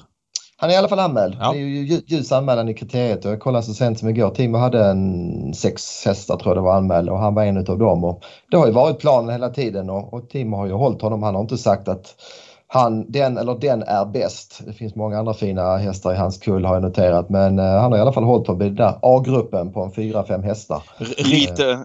Ja, förlåt. Nej, jag skulle säga intensiva rykten på stan gjorde gällande att Messi Boko skulle vara hans bästa treåring tidigt. Eh, han vann Ja, ju jag två vet inte om ägarna raka... hjälpte till och Ja, okej. Jag vet inte om ägarna hjälpte till att prata upp det ryktet. Eh, jag har också hört lite sådana vibbar. Ja. Messi är en jättefin häst. Eh, men jag vet även att den hästen som han startar på nu ska vi se här alla namn. Han startar ju en häst i veckan som har Mr JP's Möderneva och Ready Cash som pappa. Den har vunnit tre utav fyra lopp. Är det den här Mr Jupiter? Mr Jupiter. Den, Ja, ja, ja, Den som blev så jag- het på Valla där Greensboro Set vann. Var det väl? Tror jag. Eh, Han, var, han, var, den- han gick med första bike. Eh, Nej, Greens, nej, nej, nej, det är en annan. Den, annan, den här har ju vunnit på är- Rättvik och Romme vet jag tidigare. Ja, den här galopperade i voltstart i debuten och sen har man väl kört honom i autostart och har ju vunnit på 14 blankt med krafter kvar. Det, den, den tycker jag personligen ser, eh, ser vassast ut men eh, det är mycket möjligt att Timo också har sagt att Messi, den, Messi Boko är den bästa men eh, ja, jag har varit lite, fått lite mer vibbar på, på just den här. Ja, och det där skiftar ju fort. Messi Boko vann ju två raka. Sen hoppar han eh, på ett inte så bra sätt i en slutstrid näst senast. Hoppar i första sväng senast och som jag uppfattade så är det slut för säsongen för Timo fick backa bandet lite grann med honom. Alltså du har Han fått de indikationerna? Ja, jag, jag har hört det. eh, Att Jag har sett honom på nära håll, Messi Boko. Det är en imponerande individ, men han är väldigt stor och lite Ja. tung. Ja, okej. Så ja. jag kan tänka att det kostar på att springa i, i de farterna som han måste göra här nu. Så att, eh, Mm. Tråkigt om de har fått ett bakslag men eh, det, det kan ju hänga ihop lite grann med Ja, det har sett att han exakt. har felat omotiverat. Ja. Ta inte det för en sanning men jag fick höra att det inte blir några fler starter i år. Mest troligt i alla fall. Sen så eh, spekuleras det mycket sådana grejer så att, så att ta det för vad det är. Men det har vi har hört i alla fall. Ja. Och han var, inte, Strax, strax, och, och han var ja. inte med i den anmälda listan till kriteriet ska sägas också. Nu- Nurmos har ju anmält flera dit så att Mm. han startar nog inte där. Jag måste bara fråga. N- Nurmos kör ju ligan eh, på Mm. uppsatt kusk på sina hästar. Vad, säger du om det? Mm. Nej men eh, i fjol hade vi som sagt en diskussion där runt Isabelle och, men i år har vi inte haft någon diskussion alls. Sen har det väl slumpat sig så att eh, han har startat på, på banor där inte så många utav eh, toppkuskarna har varit på plats. Eh, och Rickard har väl varit tillgänglig och har gjort det bra och har därigenom fått fortsatt förtroende. Men jag har ingen aning hur, hur Timo tänker inför stundande kriteriekval och det får Timo också helt avgöra om han tycker att Rickard är rätt kusk att köra eller om han har andra tankar. Det, det, Timo får bestämma det vad han tycker passar bäst på hästen. Ja. Eh, ska vi köra V75 Ja, då? det var det som var nästa frågan. Då går vi V75, ja precis. Eh, Eh, härligt. Jägers lördag den här omgången förra året. Jag vrev min lägenhet när eh, Carly Smart vann V757. Jag kommer ihåg att jag satt, fast, satt, satt kvar med fyra hästar och det sista jag gör innan jag lämnar in det är att ser ner Carly Smart till Aj, aj, aj. förmån för eh, Miracle Tile som jag fick info att Erik skulle köra i spets med och Erik körde i spets men då kom jag på direkt, vad fan han kunde inte, kunde inte vinna från spets när eh, Micka skickade Hevin Boko. Och den värdeökningen från typ 80 lax till 1,6 med Carly Smart, ja, det var, det var ruskigt överbetalt kände jag. Men man kan inte, alla har vi varit där. Det är inget att lipa över. Vi blickar framåt. Dock är det jackpot på lördag igen. Det är ju 20, vad blir det, 27 millar eller 27,5 millar extra eh, i sjurättspotten och då vaknar man till liv va Daniel? Ja men det gör man och jag tycker väl att omgången ser, ser väl helt okej. Man får gå in med förutsättningar att vi är på Jägersro. Mm. Och med tanke på att vi är på Jägersro så tycker jag väl att det finns eh, hyggliga förhoppningar om att det kan bli lite utdelning här. Så att eh, jag går gärna, gärna igenom loppen mer. Mm, V751. Eh, ja. Ja, börja eh, med börja vad du sa här innan vi började starta inspelningen med Daniel här. Vad gäller Nej, jag V75. fattar ingenting. Dear Friend, favorit från spår 6. Hon debuterade ju för Marcus Lindgren senast. Fick ett lopp på läppen. Eh, ryggledaren och spurtar sista 100 över kort distans med hennes bästa också i debuten för Marcus Lindgren. Eh, nu över full väg, eh, spår en bit ut i banan, kommer kosta mer att komma till ledningen eller få det här loppet. Jag har ingen känsla för henne whatsoever. Nej, men det, det, det var full väg senast också bara så att vi... Ja, förlåt. Det var full väg senast också. Ah, Okej, ja. Ja. Men hon fick ju ändå det loppet hon ska ha. Han slapp Ja, ju ladda ja. för att hon skulle ta spets och sådär. Jag har ingen känsla för henne whatsoever. Eh, som favorit. Nu kanske inte blir det men svårt att inte bli imponerad av loppet som Kalle Smart gjorde senast. Jag vet inte vad gick hon? 9,3 1600 och höll ändå hela vägen in. Eller hela vägen som fyra. Det är klart hon tröttnade men hon gick ju med helstängt huvudlag där och öppnade 0,5 första fem. Eh, en strykning gör att det är litet fält och ja, jag har feeling för att hon... Eh, jag vet att hon är mycket bättre häst än Dear Friend i varje fall och känns som att hon borde vara favorit här spontant. Vad säger ni? Ja, men det, jag är nog rädd att Dear Friend är så pass kvick första 150, i synnerhet på Magnus, att det blir ledningen. Och det är klart, får han då lägga Gifont invändigt, 50 Cent Piece har väl varit lite blek om nosen. Eh, uh, Chabirib måste vi också nämna i sammanhanget. Jag tror att Mats uh, är snabbast ut med att han får då Dear Friend framför sig. Men sen är det en intressant sak som du är inne på. Det är ju om då Magnus tar upp, vilket han troligtvis gör, vi har ett litet fält och Carly Smart tål ju att ta en lugn dödens. Mm. Så där har du ett intressant scenario om Carly Smart kan komma upp utvändigt om Dear Friend. Och då tror jag också att Carly Smart är den tuffare hästen sida vid sida sista 700. Eh, Så att som sträckan ligger just nu så är det ju klart intressant att eh, Carly Smart eh, bara spelar på 19 procent. Patrik? Med, med, ja, men med reservation att jag inte har läst någon intervju med um, Ive Hagen, eh, hur de gör med Chablis Rib. Är det något uttalat där, hur man lägger upp det? Det, har- det känns väl som att det känns väl som att Mats är ljuset sitter lite grann på, på hur det här loppet blir kört som ni är inne på. Vill han Ja, köra och jag kan citera, Ja. kan citera här i, jag läser i både guiden och ronden här, men i, i ronden uttalar sig med att taktiken blir nog att blåsa till spets för att slä, sedan släppa till Dear Friend. Ja. Så att eh, man har varit rätt, eller man låter tydliga där att ryggledaren är en bra position. Ja, ja men då, då har vi det där. De har, ju, de har ju kört henne i spets även över full väg ibland. Så att, eh, ja, nej, men eh, då blir det väl den duellen som ni pratade om. Och det, det är väl feelingen att Carly Smart är tuffare över den här distansen eh, när Dear Friend har ledningen. Så det är känslan. Eh, V752, ett lopp i klass 2. Favorit, knapp sådan, två Il Forte som varit avstängd för dopning faktiskt. Måste ju vara ruskigt svårbedömd. Daniel, du får börja här. Vad säger du? Ja, till att börja med kan jag tycka att här borde vi definitivt se ett kvallopp på en sån här häst. Ja. Nu ska alltså V75-spelarna bedöma en häst som inte har startat på fyra månader. Ja, Mm. och dessutom kommer från den här tråkiga dopingincidenten. Eh, Det verkar absolut inte ha varit något eh, uppsåtligt men hästen var alltså eh, kraftigt bedövad i två bakknän och ett, ett framknä var det väl också. Så att det intressanta med Fort Forte är att han travade ju kråka verkligen tidigare under karriären.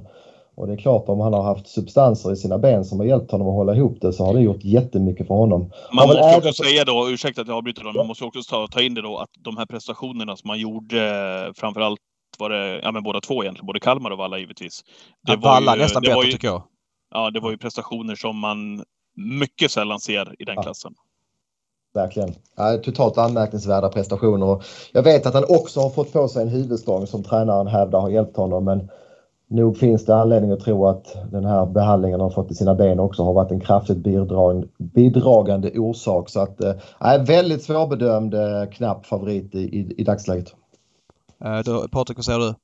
Ja, nej men samma här givetvis. Har ju, det är ju helt omöjligt att ta, ta någon form av ställning för Ilforte. Jag tror inte heller att andra spår i voltstart är, är någon fördel för, för hans del. Så att, eh, nej, krävs, krävs att man lägger ner några extra timmar kring V752 känner jag. Eh, jag gillar att de kör 1640 volt. Det gjorde de i, i eh, lördags också som V751. Det är liksom lite chansbetonat. Det händer något oväntat. Så att eh, jag välkomnar mycket den propositionen. Jag bara säga det, jag gillar Eagle Rock som häst. Sen har ju Konrad haft ett ganska tungt år.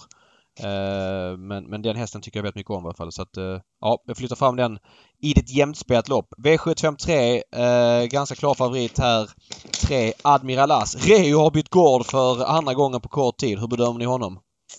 Ja, det var ju ganska dramatiskt där som du säger när han återigen flyttade sina hästar. Dessutom har ju Admiral As varit struken inför det här. Eh, det var väl för feber så det finns ju verkligen mycket att fundera kring vilken prestation vi får se från honom. Och sen är väl andra nyckelfrågan är väl då om Önas Prins kan komma till ledningen från spår 8.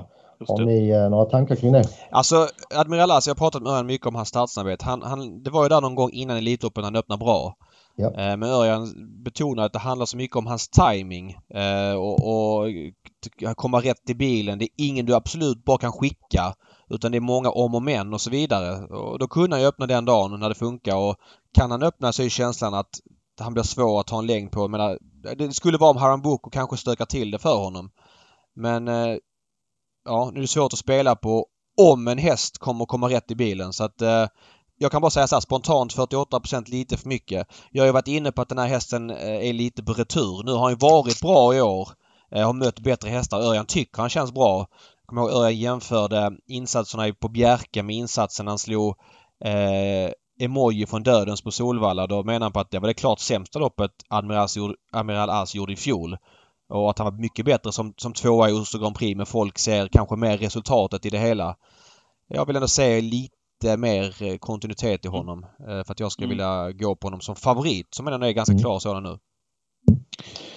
Ja, ja nej, men eh, du vet vad jag sagt tidigare om Admirellas. As. Vad har han spelat till de senaste fem starterna? 1.30, 3.70, 1.60. Han har inte vunnit ännu och det är ingen som jag, det är ingen som jag skickar mina pengar på rakt ut, även om man har bra förutsättningar här. Ehm, tror att Önas Prins kommer tidigt till ledningen, eller sitter tidigt i ledningen. Ehm, såg att han bara var barfota bak den här, eh, barfota fram den här gången. Jag tror inte det spelar någon roll, för jag tror att han kommer till ledningen, biken på igen. Och man får väl ändå säga det att han möter enklare, mycket enklare hästar nu trots att det är gulddivisionen. Han var ju senast ute i jubileumspokalen. Eh, så att, ja, jag tror att han vinner. Jag tror att han kommer till spets och sen har, ni, har vi precis vidrört det också att han är på Jägersro. Så att jag tror att det är bra segerchanser. segerchans där. Håller de här sig sträcken 48-38 då, då, ja, då har jag bestämt mig. Ja, det var lite intressant för när vi hade rankingmöte så Fredrik Lindman eh, har rankat loppet för travronden och är en kille som jag håller högt som analytiker. Han var helt inne på Önas Prins och taxerade honom till 55 procent och Admiral As till 30. Mm. Så eh, vi var inne på, i det tidiga snacket i alla fall, att Önas Prins borde bli favorit, vilket han inte är just nu. Nej. Hur är det? Kör Jägers vinklade vinge fortfarande? Gör de va? Japp, Det tycker jag är kul för det gör ju att de spåren blir lite sämre om man vill ladda. Eller lite mindre dåliga om man vill ladda i varje fall. Absolut. Eh, vill man inte ladda Mm. kan man bara ta upp. Ni tog bort det på rummet Patrik. Kast. Ja, men vi, vi köp, ja, jag vet, men vi köpte en ny startbil och jag tror att det var, det var någon meck med det där. Eh, det går säkert att fixa, men man, man tog bort det i den vevan. Men precis som ni säger, pratar mycket med Ulf Olsson eh, vid sidan av travtävlingar, men det handlar ju mycket om trav när vi pratar. Och då säger han det att när man är bakom startbilen och har 7-8 på rom, eller som det var tidigare, och det var ju det här valet och kvalet, att inte ladda när man är på Rättvik och Romme så tar man det initiativet. Ja, men det känns ändå så pass bra när man är där uppe. Man har en halv eh, längd redan i starten så att man vill prova. Det öppnar ju upp loppen på ett helt annat sätt. Så att, eh, jag är helt enig. Det, det tillför någonting i alla fall. Eh, V754, ett öppet storlopp. Eh, knapp favorit 9 Kung for Lady. Patrik, vad säger du här? Eh, ja, ni kan väl få börja med, med det här loppet. Jag tycker att det är väldigt, väldigt svårt. Så att jag tar gärna er, er, jag tar gärna er, er, er hjälp. Jag har ingen supertake, men den här Hearts. Var inte den rätt bra på V75 Årgäng i somras? Jag tyckte den gjorde bra från spets då. Alltså så här, spår 2 mittfält. Jag säger inte att det är någon vinnare. Jag bara tyckte att den... Eh, jag kommer ihåg att den åkte dit på linjen den gången. Eh, och det här loppet ser inte jätteboigt ut vid första anblick. De på tillägg står ju jättetufft inne med 12 hästar på start. Det är ju hela kiosken att runda. Så att eh, jag vet inte. Jag... Nej, jag tycker... Nej, som du säger, 12 hästar på start och VP Jägersro. Det gör ju nästan att man är sugen på att stryka hästarna 13, 14 och 15. Mm. Och då ser vi till exempel att Nova Maharon är, är andra hand där just nu. Eh, Så jag tror nog att vi till att börja med ska leta i den främre träffen. Magnus och Djuse där med springspårshästen Lady Beach. Kan jag bara nämna. Just nu spelar på 2,7 procent.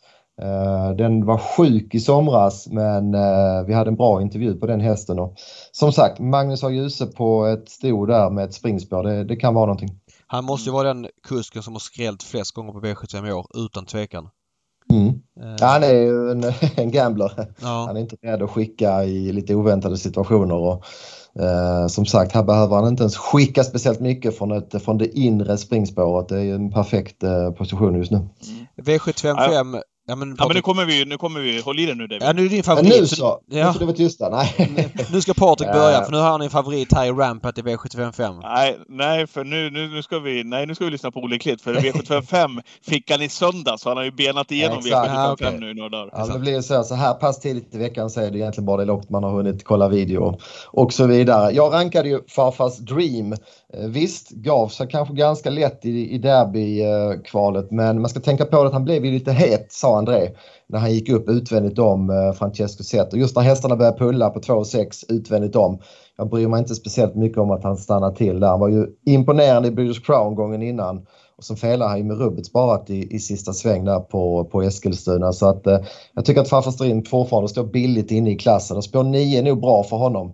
Eh, här slipper han hamna utan rygg så att jag tycker nog det är rätt favorit. Men du kan få lägga ut texten runt, eh, runt Rampant. Det var min klara andra häst i loppet. Det ser ut som att Rampant eh, kan komma till ledningen.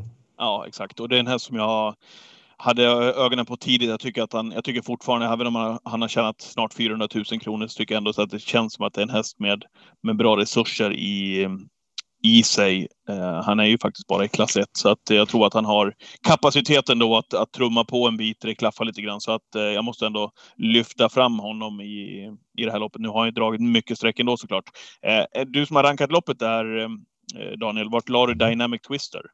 Jag la honom eh, på den strax under den undre halvan. Jag pratade även med David Persson här i måndags. Och, David har ju haft eh, lite sjuka hästar här under försommaren och har inte haft den där riktiga formen. Jag tycker det börjar komma nu så man ska nog ha med sig att David Perssons hästar är klart på gång. Eh, hästen hade fått lite hjälp eh, inför den senaste starten och travade klart bättre men Mm. han mötte verkligen kaniner där på Åmål så det var ett billigt lopp men eh, hästen såg bra ut för att vara Dynamic Twister så att eh, ja, någonstans 6-7 kanske jag tycker att han ska, ska rankas.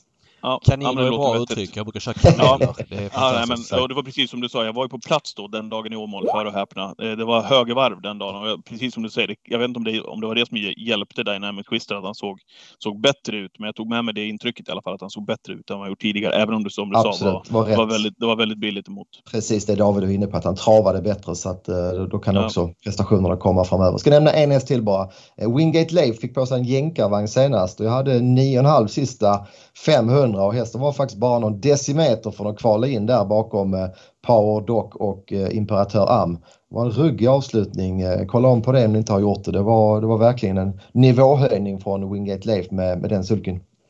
Mm. V75 6 favorit 11 Charlie Brown. Eh, Jag kan ju bara börja här och snacka med Jeppson efter insatsen senast och han hade ju chans att gå ner i andra spår efter typ 300 meter men hade fått tydliga stallorder om att det skulle vara en offensiv styrning. Eh, det var liksom inget snack om saken att han skulle få gå ner utan han skulle bara framåt. Eh, hästen var ju lite trög och så vidare men var ju enorm ändå den dagen. Nu är ju såklart den trögheten lite oroväckande men jag, jag bara noterar bara 33 mot hästar han eh, normalt sett bara springer runt det är min känsla. Jag tyckte det kändes lågt. Vad säger ni? Alltså insatsen på Eskilstuna där är, den är overkligt bra. Eh, han flyger i formlingen fram där bakom Kentucky River. Jag vill minnas jag hade åtta blankt där, något liknande sista 500 på 2,6. Uh, eh, det med det som du säger, hade han inte startat den senaste starten så hade det nog stått 53 procent istället för 33. Så om man spekulerar i att formen är intakt, om man bortser från det senaste loppet så, så är det klart att han blir mindre, en mindre favorit, mindre spelad än vad han hade varit innan den starten. Men vi är ändå på Jägersro. Eh, det är många runda. Jag vill varna lite för Hobart. Jag pratade ju som sagt med David och han nämnde att det norska huvudlaget fungerade inte. Han var ute i samma eh, derbykval som Wingate Leif där men fick inte ner norska skygglapparna. Och det var första gången han hade på sig norskt huvudlag så att eh, det kan ju ge en effekt nu när han förhoppningsvis eh, får ner skygglapparna, eller Emilia får ner skygglapparna till slut. 9 just nu på, på Hobart. Eh, V757 eh, en klar favorit i 6 Sorwind. Jag kan börja här också. Jag trodde ju ingenting på hästen senast. Jag tyckte han var så sjukt överspelad som 8-procentare och ändå ja, lyckades han vinna. Eh, det var ju surt då. Jag har ju varit skeptisk till Gocciadors hästar framförallt på sensommaren men det är svårt att räkna på när de är ju ojämna. Eh, Jag tyckte han hade lite tur där på Årjäng också. Även om han såg fin ut över mål så var det någon eh, var det Fleming som skulle in i någon spetskörning som gjorde att han enkelt kunde glida spets i andra skedet så Wind och, och vann enkelt då. Jag, jag litar inte på honom och eh, tycker han är kall som 53 procentare Även om det säkert snackas om att det kan bli spets och sådär. Men vi har ändå good point invändet. Sanchez Enson kan öppna, kanske inte spår rätt optimalt för honom. Eh, och sådär. Så det borde kunna kosta lite att komma till spets om han nu ska komma dit så Win. Så för mig kall. Eh, dessutom har vi Hipster utvändigt. Eh, ja, nu rabblar jag mycket där. Men jag... Eh, vad fan ska man gå på här? Um, Borups Tornado, är inte det lågt med 2,5 procent på den? Eh, jag var inne- Ja. Han satt väl fast med sparat senast i alla fall va? ja, det är Mm. känslan och Ja. ja, det var lite retursnack på honom där på Rättviksstarken Mm. efter 4 kilometer men 2,5 procent på en etablerad V75-häst som ändå är bra. Visst, det är bakspår Jägers men ja, jag kommer gardera brett här. Jag vet inte, vad säger ni? Han är ju märkligt lite spelad i alla fall, Tornado Mm. just nu. Som du säger att det skiljer alltså 22 gånger i, eh, mellan favoriten och Boris Tornado just nu. Det kommer det inte göra på lördag men eh, det indikerar i alla fall att det, det säkert kommer hålla sig under en 7-8 procent. Så att jag, jag får också flagga för Borups Tornado som såg fin ut senast. Mm, jag, lyfter, jag lyfter Toto Barroso. Jag tycker att det var jag tyckte att det var väldigt bra. Eh, Man får säga lite äntligen för hans del. Han har vunnit lopp tidigare här också. Han var med lo- lopp här i somras på Tingsryd om jag inte missminner mig. Så eh, var det väl ändå lite äntligen-känsla i de där sammanhangen på V75 också. Eh, Han har ju väldigt bra kapacitet. Jag såg att han skulle anmälas med bike också. Ja, är inte det Eh, typ då- 50 galopprisk med honom i bike? Vet, nej, det vet jag inte. Jag bara Det tycker jag att utan sidostänger och sådär, det känns som att det kan bli allting. Eh, Antingen kan han vinna på 11 och 2 eller så blir det galopp. Känns- Ja, han, är, han, han är helt klart opålitlig, jag håller med. Sen vet jag att han, det var en snäv situation i alla fall näst senast. Eh, Så där kanske hästen var lite ursäktad men eh, det, det finns ju en galopphistorik där och när han vann just på, på Tingsryd där så var det ju med en rejäl startgalopp. Så att, eh, Ja. Han är inte att lita på men, men väldigt kapabel, absolut. Ja men svinbra då. Eh, Daniel, du ska till Jägers. Ja, söndag behöver jag inte fråga, men lördag också antar jag. Nej, lördag blir det faktiskt skärmarna med fotbollen. Ja. Jag vet, det blir tufft att missa två fotbollsdagar här så att eh, nej, då får vi följa V75 på, på liven och ha fotbollen eh, på skärmarna. Sen tar jag med familjen in. Det är ju, vad heter det? Det heter djurens dag och något liknande så att barnen är inte så travintresserade. De tycker det är lite konstigt att pappa håller på och lägger pengar på sånt. Ja. Eh, Men de vill hoppa eh, ag- agility-hoppningen där med kaninerna och sånt där. Det, det lockar dem. Så till och med de ser fram emot Jägers på, på söndag. ja, men då ses vi på söndag Patrik. Hur blir det med det? Ska du ner eller inte? Ja, men det är klart. Då får du också ta med barnen så att de hinner se miniderbyt också. Hur dags går detta? Vet du det? Nej, jag har dålig Sju på morgonen. ja, vi, vi ses där vid halv åtta med Ja. frukostmacka och kaffe. Ja. Ja. ja men svinbra Daniel. Jävligt givande snack. Du tangerar nästan. Det är väl Robert Berg som varit vår längsta gäst tror jag med 1.10. Det är Men så, du, ja. du är i toppen helt klart. Du har ändå haft 100 gäster med så att, eh, det är bra jobbat. Jag Nästan en tackar för att jag fick vara med. Ja, Okej. jättetrevligt. Vi ses på Jägers. Jag ska faktiskt ner. Så vi ses på söndag då. Eh, Jag antar att du sitter i restaurangen eller blir någon sån här special Ja, jag har väl någon plats där, Derby Club tror jag, som ägare. Så att, eh, Där ser man ju ingenting ifrån. Det är Nej, okej. du ser. Lågt ner. Det är som barnkamp på Solvalla. Man får Då ses titta vi vid agilityn. Vi får, vi får köra agility och så lite fri roll på mittfältet. eh, Ja. Absolut. Ja, jag fattar det. Ja, men tack så mycket Daniel. Suveränt snack. Lycka till på söndag så håller vi connection. Tack för det. Toppen. det. Tack, tack. Hej, Tack, hej, tack. hej. Där har vi veckans intervju, Daniel Olen Klint. Vi drog iväg på tiden, men det vart liksom aldrig segt. Jag hade kunnat prata länge till med spel. Jag tycker det här är också spännande med spel där, hur man, hur man kan hitta framgångar i den här eh, annars så snirkliga snåret eh, som spelvärlden är, David. Ja, men så är det. Eh, nej, vi har ju ofta gäster vi kan prata längre med. Det är känslan. Eh, intressant att höra. Han, har ju, han är duktig på att hålla bra relation med skötarna. Man får ju en annan typ av info av skötarna. Jag har alltid varit lite sämre på det. Det, det är någonting jag tog fasta på faktiskt. Jag skulle bli bättre Ja, men det är bra. Det, det brukar jag också ha. Det, man får bra info där. Eh, Mm. Det är inte alltid tränarna hör av sig direkt efter ett snabbjobb. Eller, Nej, eller två. Nej. Så är det. Eh, är du laddad för veckans hiss och diss, David? För att eh, vi, ska, vi ska göra något annorlunda den här veckan, tänker jag. Ja, men jag tar hissen och dissen för att jag hade så klockrena hissar och dissar så att jag kände att jag ville ta båda. Ja, Okej, spännande att höra.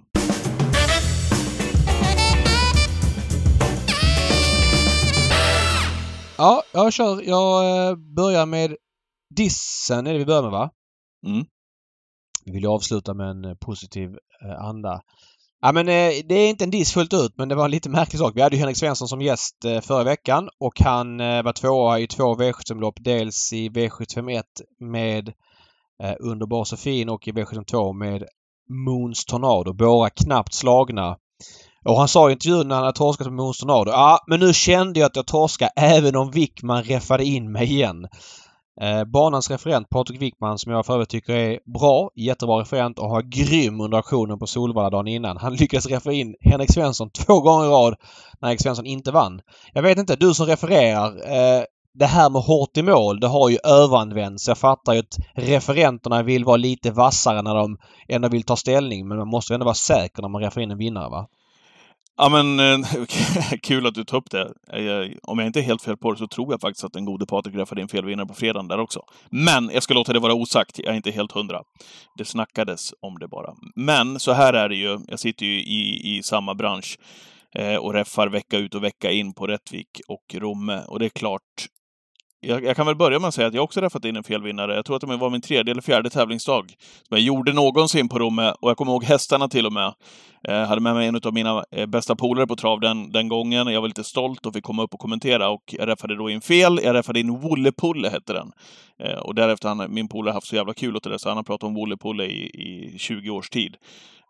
Och det var Run for cover som vann. Det var fyra, fem spår emellan. Jag hade inte lärt mig Rommes linje och det blev fel.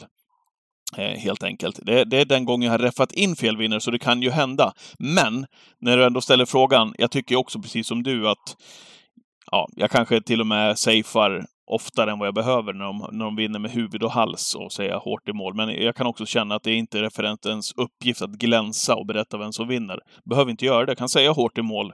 Och de då som är så säkra på, som sitter och följer liven eller är på banan, vem som vann, ja men fine. Det är väl jättebra i så fall om de har sett vem som har vunnit och man kan behålla lite stämning för de som inte har samma eh, goda öga i publiken heller. Så att jag aldrig fattar det där. Och detsamma gäller ju de som jobbar i TV och liven. Behöver inte sitta och säga vem som vinner och sitta och tokgissa när det är hårt i mål. Finns ingen som helst anledning.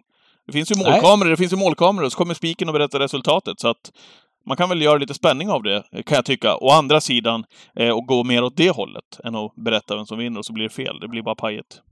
Ah, ja, det är sånt som händer. Det är sånt som Wickman. händer. Eh, Ja, men, det blev är jag fel- också. Men när du ändå tar upp det så... Lite komiskt att det blev fel på V75 två lopp i rad med Henrik Svensson som dessutom, ja, vadå, var tvåa båda gångerna. Och sa efteråt, ah, han räffade in mig båda gångerna men eh, Ja, okej. nu var jag nog tvåa va? Ja. Sånt som händer. Eh, ja. i, så är det. Har, du ska fortsätta, Veckans ja. hiss. Du kan aldrig hitta min, min hiss den här veckan. Jag Nej, jag hittar inte- djupt. Jag hittar inte dissen heller. Fortsätt. Nej. V75 3 i lördags. Ehm, Det var ju kallblods-SM. Jan-Olof Persson hade fyra hästar till start och det är ju såklart en bra bedrift men med Jan-Olof Perssons mått mätt så var det väl nästan väntat skulle jag säga. Eh, när man har fyra hästar med så är det ju vanligt att det blir mindre stallkörningar. Inte i form att man kanske gör dem så obvious men man kanske kan hjälpa en konkurrent lite mer än en annan. Det har man lite grann vant sig vid som spelare och hade det skett så hade man inte liksom varit förvånad över det. Därför är det otroligt befriande att se Marcus Liljus styrning med Järvsodin. Järvsodin som är en stark häst som tål döden. Nu vet jag vart du vill komma. Ja, han körde fram med den utvänt ledaren. I rygg på eh, ledande 8 Månlycke AM satt alltså vind eller pilsnabba 7 Stjärnblomster och bara letade lucka. Från samma stall. Och det är klart att Järvsöodin, precis från samma stall, att Järvsöodin inte plockar ner Månlycke från dödens. Och därmed kan man då tycka att ja men om Liljus kanske då eh, märker att han inte vinner kanske han slutar köra så... Ja, men han kan, han, han, du vet, de, de är duktiga på det där. Och plocka lite, lite, lite, lite, lite bara. Ja. ja eller trycker eh, stenhårt 500 kvar för att dra på sig den där syran sista 50. För att det hade inte behövts mer för Stjärnblomster att hinna dit. Men Liljus körde helt enligt eh, regelboken för sin hästs bästa placering. Han sket fullständigt i att det var stallkamraten som satt i rygg på ledaren. Men han hade kunnat gjort det på ett sätt om han knappt hade märkt det så hade man sagt ja, ja, men vi vet inte om Järvsöviking tröttnade eller om det var Liljus som tog på för tidigt. eller Liljus maxade honom i fel läge. Men Liljus körde för sin hästs bästa placering. Järvsöodin blev fyra. Eh, tjänade 39 000. Det är nog ganska välkomna pengar för den hästens ägare. Och de är glada över det. All eloge till Marcus Liljus som eh, struntade i stallets bästa utan körde för sin hästs bästa placering i det läget. Jag tycker att det har hamnat i skymundan och den typen av rakryggat uppfostrande eller uppförande tycker jag ska premieras. Snyggt kört Marcus Liljus. Ja. Bra hiss David den här eh, veckan och med det så är vi väl hemma va? Ja, jag tror det. Eh, vi ses väl eh, på Jägersro. Hur blir det nu? Eh, har, du sa att du skulle åka ner och det är det här ponnyn, ja, ponnyloppet du sa till Daniel. Jag, men hur blir det? Precis. Jag har inte ändrat mig sen vi gjorde, la på telefonen här med Daniel för en stund sedan. Så vi, vi kommer att ses där nere. Dock oklart hur det blir med Twitchen på lördag. Eh, då jag kommer att sitta i en bil på vägen ner. Vi får se hur vi löser ja, det i alla vi, fall. Vi kommer köra på någon vänster. Vi kör 13.00 som vanligt. Jag kommer köra från restaurangen på Jägersro. Jag flyger ner tidigt eh, lördag och åker hem sent måndag. Det blir en derbyhelg på Jägers. Jag fick feeling för det. Jag har inte varit på Jägers på länge. Det kommer bli svinball. Hoppas vi ses där allihopa. Ja, verkligen. Och Twitchen alltså. Det, då fick vi det bekräftat. 13.00 precis som vanligt. Det senaste. Det, det är perfekt att du är på plats också David, för då har du också luskat fram lite. Det är ju så när man är på plats, så får man lite extra ändå trots allt. Ja men så är det. Man tar en vända på backen och sådär. Så, att, så kommer det vara. Ja, bra. Tack så mycket Toppen. för att ni har lyssnat allihopa. Vi hörs igen nästa vecka. Eh, tack för att ni lyssnar på Travpodden. Bra! Hej! Hej!